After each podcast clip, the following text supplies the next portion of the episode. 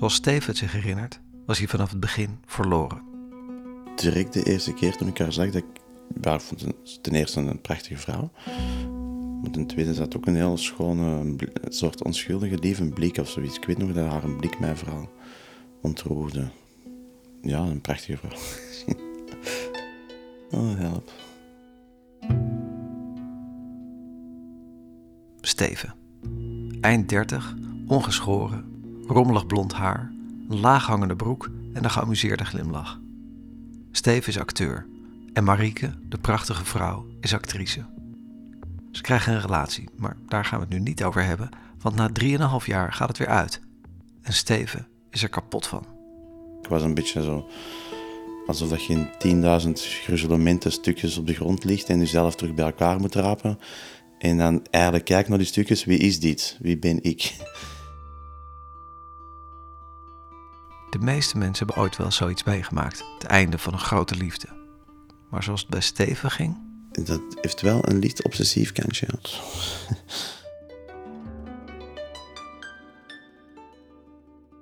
Het ding was natuurlijk dat je drinkt.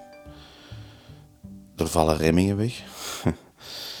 en doordat die remmingen wegvallen, eh, ja... Ja, er waren soms heel onhandige situaties. Ook toen ik haar nog tegenkwam en ik dronken was en, en er naar naartoe ging en zei dat ik haar graag zie. Dat ik haar dus heel hard mis. En zei ze, laat mij gerusten, maar ik zie je graag, maar laat mij gerusten. En ik, ik zie u graag, dat betekent toch ik hou van je? Nou, ik hou van jou. Ik voelde mij soms echt een kind van acht dat verlaten werd.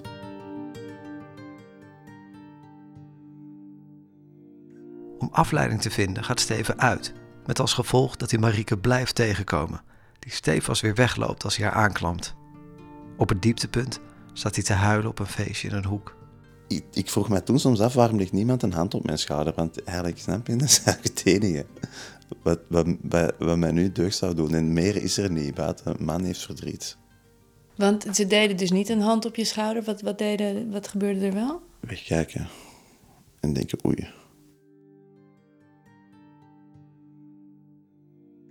Steven bombardeert zijn ex met e-mails en berichten en hij blijft haar bellen, tegen haar zin.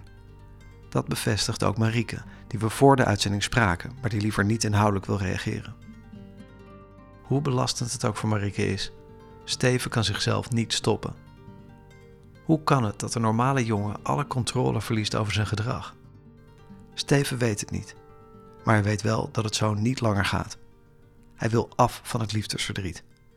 En dus kijkt hij of hij zichzelf uit de put kan halen. De hoeveelheid zelfhulpboeken die ik kocht. De wijsheid van een gebroken hart. Proberen niet te proberen. Liefde geven, liefde ontvangen. Betoverende liefde van Marianne Williamson. Echt, mijn vrienden lachen mij er nu nog mee uit. Die snapten het niet. Wat ik ook wel snap. De helende kracht van acceptatie. Ik heb je liefde nodig. Ik klampte mij vast aan elke gekke onnozele zelfhulpboek die ik gewoon tegenkwam. In elke titel denkt wel, ja, dit kan mijn leven redden. Terugkeer naar liefde, het hart van de ziel. Leven in geleven van twee psychiaters. Ik eigenlijk echt trouwens nog eens allemaal naar de slechte moet doen, want dat echt, heeft mij ook niks, niks geholpen.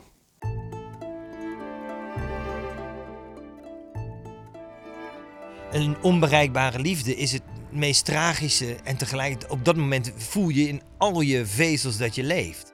Dit is Tibor, een goede vriend van Steven. Toen het net uit was, hingen ze uren met elkaar aan de telefoon. Ja, een rekening van 500 euro per maand.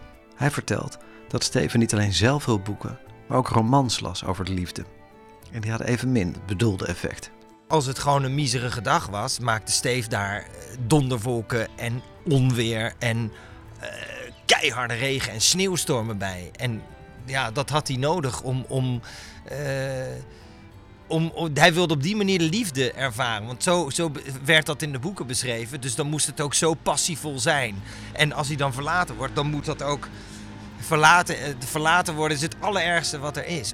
Dus dat verdriet moet dan ten volle eh, gevoeld worden. Tibor denkt dat het verdriet weinig te maken heeft met Marieke. Marieke werd een soort. eh, Dan had hij het met mij over Marieke, maar dan dacht ik: Mijn god, ik heb haar ook ontmoet. En het is een eh, heel mooie mens en een lief mens. en- Maar dat, die nam zulke grote proporties aan. Dat ging helemaal nergens over. Want de werkelijkheid was anders. Tibor herinnert zich de dag in 2010 dat Marieke en Steven nog samen waren en langskwamen op de camping in Frankrijk. En toen stond mijn vrouw met Marieke te praten en ik met Steven. En dat stond ongeveer er zat een meter tussen. En toen uh, hoorde ik uh, Marieke, ah nee, het was heel leuk. En we zijn hier op vakantie en we zijn op door. Het is super gezellig. En Steven zei tegen ah ik weet niet man. Ik, dit gaat echt niet goed en ja, ik moet het misschien uitmaken. En ik weet niet zo goed, we hebben elkaar niet zoveel te melden. En vervolgens luisterde ik weer in mijn oor bij dat andere gesprek. Nee, het is zo leuk. Dus toen dacht ik wel, hmm, datgene wat je niet hebt is per definitie aantrekkelijker dan datgene wat naast je zit. En dat was tijdens die relatie, nou ja, tijdens die vakantie, dat hij zei: Ik weet het niet, ik weet het niet. Maar op het moment dat ze niet op die camping aanwezig was, was het Marieke, Marieke, ai, Marieke, Marieke, Marieke.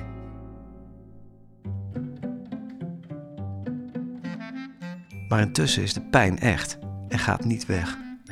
Steven wordt er zo wanhopig van dat hij besluit om professionele hulp te zoeken. Nee, ik heb ooit zo'n EMDR gedaan, dat is emotional trauma, weet ik veel. Ik heb een cursus NLP gedaan voor een jaar, dat heeft mij iets of. Nee, eigenlijk heeft dat niet zoveel geholpen. Die individuele therapie ook trouwens, de eerste twee jaar, achteraf gezien ook niet de beste therapeuten. In de zin dat ik vaak met meer problemen naar buiten ging dan ik binnenkwam. Dan hoort Steven over een Israëlische regressiegoeroe die maar twee keer per jaar naar Antwerpen komt. Hij maakt gelijk een afspraak. En ik kwam binnen. Dat, was een, lieve, hartelijke vrouw, maar die begon meer handen van die heel rare bewegingen te maken in die ruimte. En dan deed hij haar ogen dicht. En dan begon hij allemaal beelden uit uw vorige leven, zogezegd, op te sommen.